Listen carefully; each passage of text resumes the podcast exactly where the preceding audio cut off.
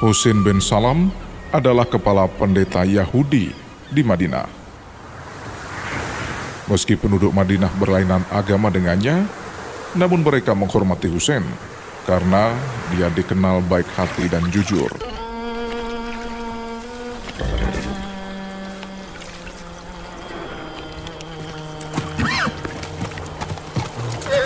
Husain hidup tenang dan damai di Madinah.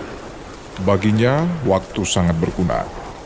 Karena itu, ia membaginya dalam tiga bagian. Sepertiganya ia bergunakan di tempat peribadatan Yahudi untuk mengajar dan beribadat. Sepertiga lainnya ia habiskan di kebun untuk merawat dan membersihkan tanaman. Sepertiga lagi untuk membaca Taurat dan mengajarkan kepada orang lain.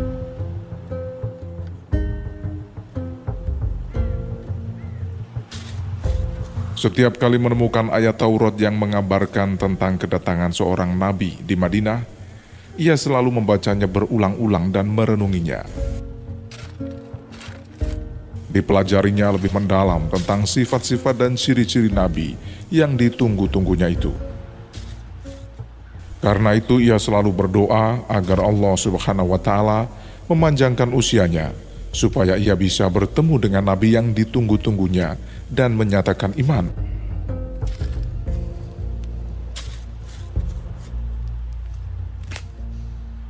Allah memperkenankan doa dengan memanjangkan usianya dan mempertemukannya dengan penutup para nabi, Muhammad Shallallahu Alaihi Wasallam.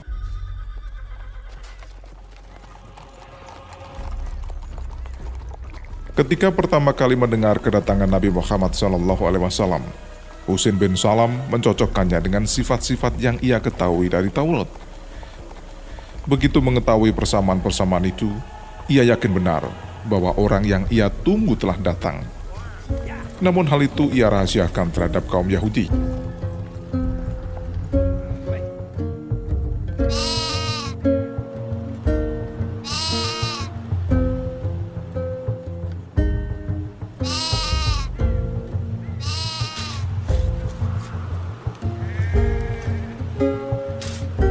Ketika Rasulullah hijrah ke Madinah dan tiba di Kuba, seorang juru panggil berseru, menyatakan kedatangan beliau. Saat itu Husain bin Salam sedang berada di atas pohon kurma. Bibinya, Khalidah binti Harits, menunggu di bawah pohon.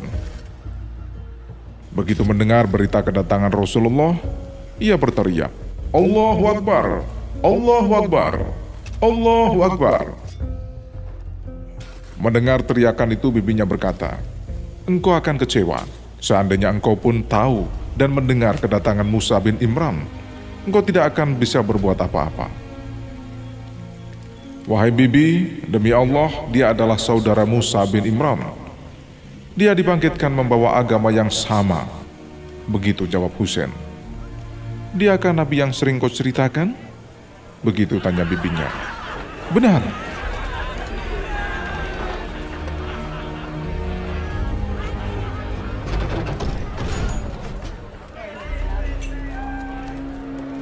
Lalu Husain bergegas menemui Rasulullah Shallallahu Alaihi Wasallam yang sedang dikerumuni orang banyak. Setelah berdesak-desakan, akhirnya Husain berhasil menemui beliau. Ucapan pertama kali yang keluar dari mulut beliau adalah, Wahai manusia, sebarluaskan salam. Beri makan orang yang kelaparan. Sholatlah di tengah malam ketika orang banyak sedang tidur nyenyak pasti engkau masuk surga dan akan bahagia.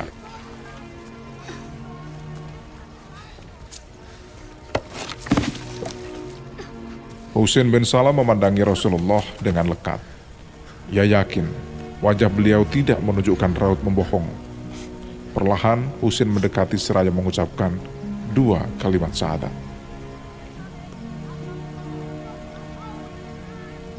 Rasulullah menoleh kepadanya, Siapa namamu? Husain bin Salam.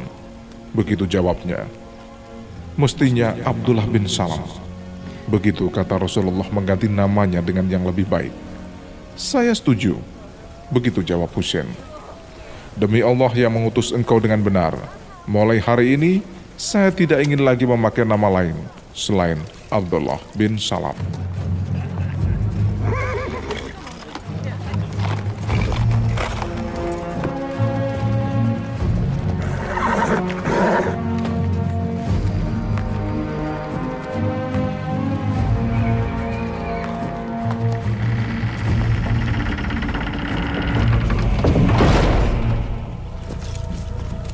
Setelah itu, Husain yang sudah berganti nama dengan Abdullah bin Salam segera pulang.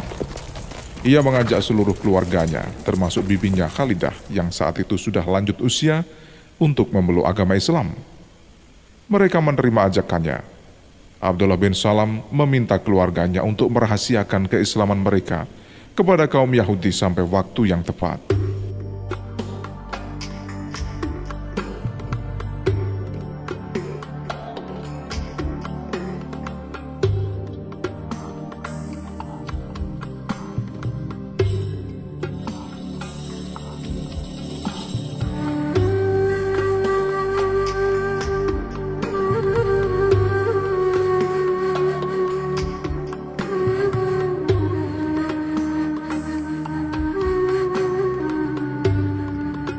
Beberapa saat kemudian, Abdullah menemui Rasulullah lalu berkata, Wahai Rasulullah, orang-orang Yahudi suka berbohong dan sesat. Saya minta engkau memanggil ketua-ketua mereka, tapi jangan sampai mereka tahu kalau saya masuk Islam. Serulah mereka ke agama Allah. Saya akan bersembunyi di kamar engkau, mendengar reaksi mereka. Rasulullah menerima permintaan Abdullah bin Salam. Beliau memasukkannya ke dalam biliknya dan mengumpulkan para pemuka Yahudi.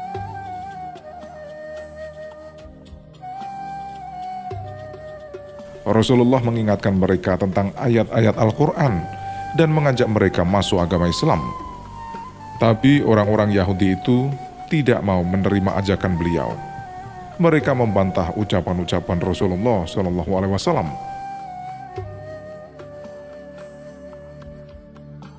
Setelah mengetahui bahwa mereka enggan menerima seruannya, Rasulullah bertanya, "Bagaimana kedudukan Husain bin Salam menurut kalian?" Dia pemimpin kami, kepala pendeta kami dan pemuka agama kami. Begitu jawab mereka. Bagaimana pendapat kalian kalau dia sudah masuk Islam? Maukah kalian mengikutinya? Tanya Rasulullah. Tidak mungkin, tidak mungkin. Dia tidak akan masuk Islam. Dia tidak mungkin akan masuk Islam. Begitu jawab mereka serempak. Tiba-tiba Abdullah bin Salam keluar dari bilik Rasulullah dan menemui mereka seraya berkata, Wahai orang-orang Yahudi, bertakwalah kepada Allah Subhanahu wa taala. Terimalah agama yang dibawa Muhammad. Demi Allah, sesungguhnya kalian sudah mengetahui bahwa Muhammad itu benar utusan Allah. Bukankah kalian telah membaca nama dan sifat-sifatnya dalam Taurat? Demi Allah, saya mengakui Muhammad adalah Rasulullah. Saya beriman kepadanya dan membenarkan segala ucapannya. Bohong, Begitu jawab orang-orang Yahudi. Engkau jahat dan bodoh. Tidak bisa membedakan mana yang benar dan salah. Umpat mereka lalu pergi meninggalkan Abdullah bin Salam dan Rasulullah Shallallahu Alaihi Wasallam. Engkau lihat wahai Rasulullah, orang-orang Yahudi itu pendusta dan sesat. Mereka tidak mau mengakui kebenaran walaupun telah ada di depan mata. Begitu kata Abdullah bin Salam kepada Nabi Muhammad Shallallahu Alaihi Wasallam.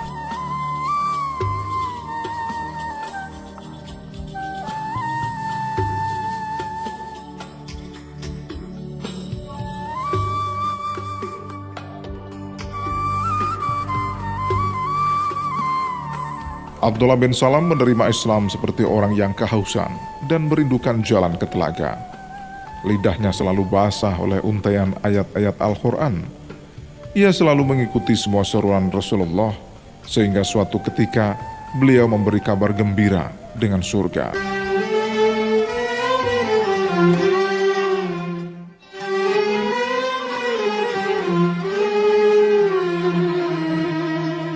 Suatu ketika, Qais bin Ubadah dan beberapa orang lainnya sedang belajar di serambi masjid. Dalam kelompok itu terdapat seorang lelaki tua yang ramah dan sangat menyenangkan hati. Setiap ucapan yang keluar dari mulutnya selalu menarik perhatian orang. Ketika lelaki itu pergi, orang-orang saling bertanya, "Siapa dia?" Di antara mereka ada yang berkata, Siapa yang ingin melihat penduduk surga?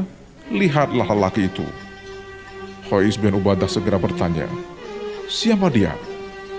Abdullah bin Salam. Begitu jawab mereka. Khais bin Ubadah memutuskan untuk mengikuti lelaki itu sampai jauh keluar kota Madinah. Setelah diizinkan masuk, Khais lalu menemuinya. Apa keperluanmu anak muda? Begitu tanya Abdullah bin Salam. Saya mendengar orang-orang berbicara tentang diri Bapak. Kata mereka, siapa yang ingin melihat penghuni surga, lihatlah Bapak. Mendengar ucapan mereka, saya mengikuti Bapak sampai ke sini. Saya ingin mengetahui mengapa orang banyak berkata seperti itu. Allah yang lebih mengetahui tentang penduduk surga. Begitu jawab Abdullah bin Salam. Ya, tapi pasti ada sebabnya mengapa orang-orang berkata seperti itu. Baik, akan kujelaskan. Silahkan, semoga Allah membalas segala kebaikan Bapak. Begitu ujar Khois. Pada suatu malam, saya bermimpi seorang laki-laki datang menemuiku, seraya menyuruhku bangun dan mengajakku pergi. Tiba-tiba saya melihat sebuah jalan di sebelah kiri. Saya bertanya, jalan ke manakah ini? Jangan turuti jalan itu, itu bukan jalanmu. Jawab orang itu. Tiba-tiba saya melihat jalan yang terang benderang di sebelah kananku. Lewatilah jalan itu, kata orang itu. Saya mengikuti jalan yang terang itu hingga tiba di sebuah taman yang subur, luas dan penuh dengan pohon-pohon hijau dan indah. Di tengah-tengah taman terdapat sebuah tiang besi. Pangkalnya tertancap di tanah dan ujungnya sampai ke langit. Di puncaknya terdapat sebuah aula berlapis emas. Orang itu berkata, Panjatlah tiang itu. Aku tidak bisa, jawabku. Tiba-tiba datang seorang pembantuku, lalu ia menaikkan tubuhku sampai ke puncak tiang. Aku tinggal di sana sampai pagi dengan perasaan yang sangat bahagia. Setelah hari pagi, ku datangi Rasulullah Shallallahu Alaihi Wasallam dan kuceritakan kepada beliau perihal mimpiku. Beliau berkata, jalan yang engkau lihat di sebelah kiri adalah jalan ke neraka. Jalan yang engkau lalui di sebelah kanan adalah jalan penduduk surga. Taman yang indah itu adalah Islam. Adapun tiang yang terpancang di tengah taman itu adalah tiang agama. Adapun aula itu adalah pegangan yang kokoh dan kuat engkau senantiasa berpegangan dengannya sampai mati.